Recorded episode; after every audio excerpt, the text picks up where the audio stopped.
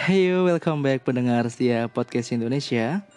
Sehat selalu untuk kalian semua di mana pun kalian berada. Oke, pada kesempatan kali ini gue kembali untuk menemani tengah malam kalian Membawakan cerita-cerita kecil penghantar tidur kalian. Alright, Sesi ini gue akan buka lebar-lebar kepada kalian saudaraku yang maybe punya cerita tersendiri about horror experience. Nggak perlu nyata, karangan fiksi ataupun creepypasta juga nggak apa-apa.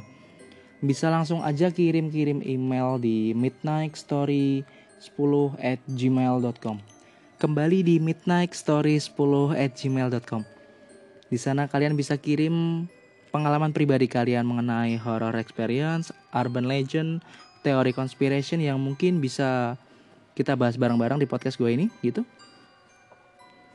So, di pembahasan ini gue ada sedikit artikel bagi kalian yang pernah dengar tentang devil ataupun iblis yang terkenal kuat di dunia ini. Oke, tanpa basa-basi lagi, so listen and this is Midnight Story. Lucifer merupakan perwakilan kebanggaan dari tujuh dosa mematikan atau seven deadly sins.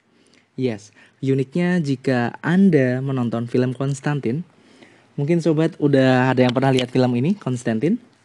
Lucifer membunuh Memon karena ia terlalu bangga akan dirinya dan tidak memperbolehkan anaknya sendiri untuk melebihi kepopuleran dirinya. Number two, Ifrit.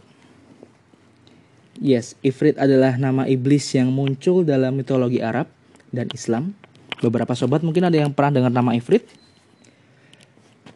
Menurut mitologi tersebut, iblis ini berwujud seperti monster besar, sangat besar, yang sangat-sangat menakutkan, dan ia bertempat tinggal di bawah tanah. Favoritnya adalah mencari manusia dan menakut-nakutinya. Untuk si Ifrit ini sendiri, tubuhnya yang sangat besar dan memiliki sayap api, tidaklah semenyeramkan monster-monster yang ada di televisi.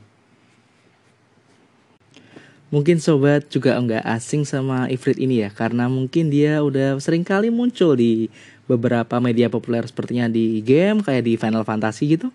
Oke, okay, number 3, Mamon. Mamon adalah anak dari Lucifer, ya, si Raja Iblis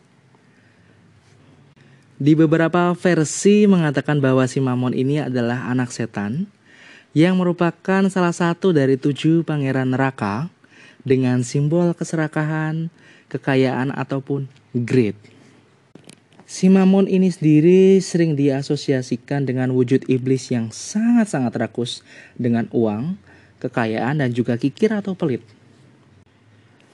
For your information, kata mamon sendiri di istilah non formal di bahasa Jerman memiliki kata uang. Wow. Number 4, Beelzebub. Baal atau Baal atau dalam bahasa Arabnya Baal Azubab merupakan raja pertama neraka yang juga menyimbolkan kerakusan dan ketamakan. Di mana ia akan mengajak manusia untuk memilih-milih makanan Entah itu makanan yang mahal, makan secara rakus, secara porsi yang tidak proporsional, dan sering diasosiasikan sebagai wujud dewa lalat. Dan keberadaannya dikatakan merupakan musibah bagi manusia dan surga sendiri. Hal ini mungkin disebabkan dikarenakan kisah mengatakan sebenarnya ia adalah identitas lain atau jelmaan dari setan dan ia merupakan raja pertama dari neraka yang mengajarkan ilmu menghilang. Number 5, Abaddon. Si Abaddon atau Apollyon menjadi iblis terkuat di dunia yang kedua setelah si Raja Iblis, ya Lucifer. Julukannya tersebut memiliki arti kebinasaan atau si penghancur.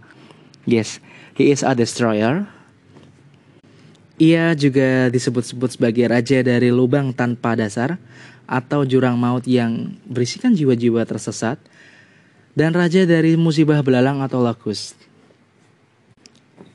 Si Abadan ini juga sering disetarakan dengan Asmodeus yang merupakan salah satu raja neraka serta dikatakan bahwa ialah yang pada akhirnya akan membawa kebinasaan ke kita semuanya, ke dunia ini. Ada kisah lain yang menceritakan bahwa Abadan sendiri ini adalah malaikat yang dulunya bernama Muriel dan telah diberikan tugas oleh Tuhan untuk mengumpulkan tanah yang digunakan untuk menciptakan Adam, si manusia pertama. Sesudah tugasnya selesai, ia ditunjuk sebagai pelindung segalanya atau The Guardian. Semua makhluk takut akannya, termasuk malaikat dan iblis, ataupun makhluk ciptaan Tuhan lainnya. Beberapa versi juga mengatakan bahwa ia adalah malaikat kematian atau Reaper. Number 6, Asmodeus. Yes, Asmodeus atau Asmedei dalam bahasa Hebreu. Dia adalah sosok para raja iblis yang disebutkan dalam buku Tobit. Asmodeus sendiri sempat disinggung di beberapa legenda Talmud, antara lain dalam kisah pembangunan kuil Salomo. Di dalam ajaran Kristen Renaissance, dia dikenal sebagai raja dari sembilan neraka. Dia juga menempati posisi sebagai salah satu dari tujuh pangeran neraka dan sering digambarkan sebagai bentuk dari nafsu birahi. Salah satu dari ketujuh dosa mematikan atau the death. Dia juga menempati posisi sebagai salah satu dari tujuh pangeran neraka dan sering digambarkan sebagai bentuk dari nafsu birahi salah satu dari ketujuh dosa mematikan. Penampakan dirinya sendiri digambarkan sebagai makhluk dengan tiga kepala. Yes, yang pertamanya adalah banteng, kedua menyerupai manusia, dan ketiga kepalanya adalah domba jantan. Selain itu, ia memiliki ekor ular dari mulutnya muncul api. Manusia yang tergoda dalam godaan Asmodeus akan dihukum selama-lamanya dalam neraka tingkat dua, yakni neraka yang terkait dengan dosa seks dan pikiran kotor. Hmm, pada ketawa nih ya langsung takut nih siapa aja nih. Hukumannya adalah berada dalam badai yang luar biasa mengerikan di dalam neraka. Yes, badai api. Number seven, Astaroth. Yes, Astaroth sering digambarkan sebagai iblis yang mengenakan mahkota, memegang ular beracun di salah satu tangannya, dan menunggangi seekor binatang bersayap naga dengan buntut ular. Astaroth sering dijuluki pangeran bermahkota dari neraka. Dia dianggap sebagai dewa gairah oleh suku Phoenician yang sangat legendaris. Dalam versi cerita lain, Astaroth dikatakan bangsawan tingkat satu di neraka.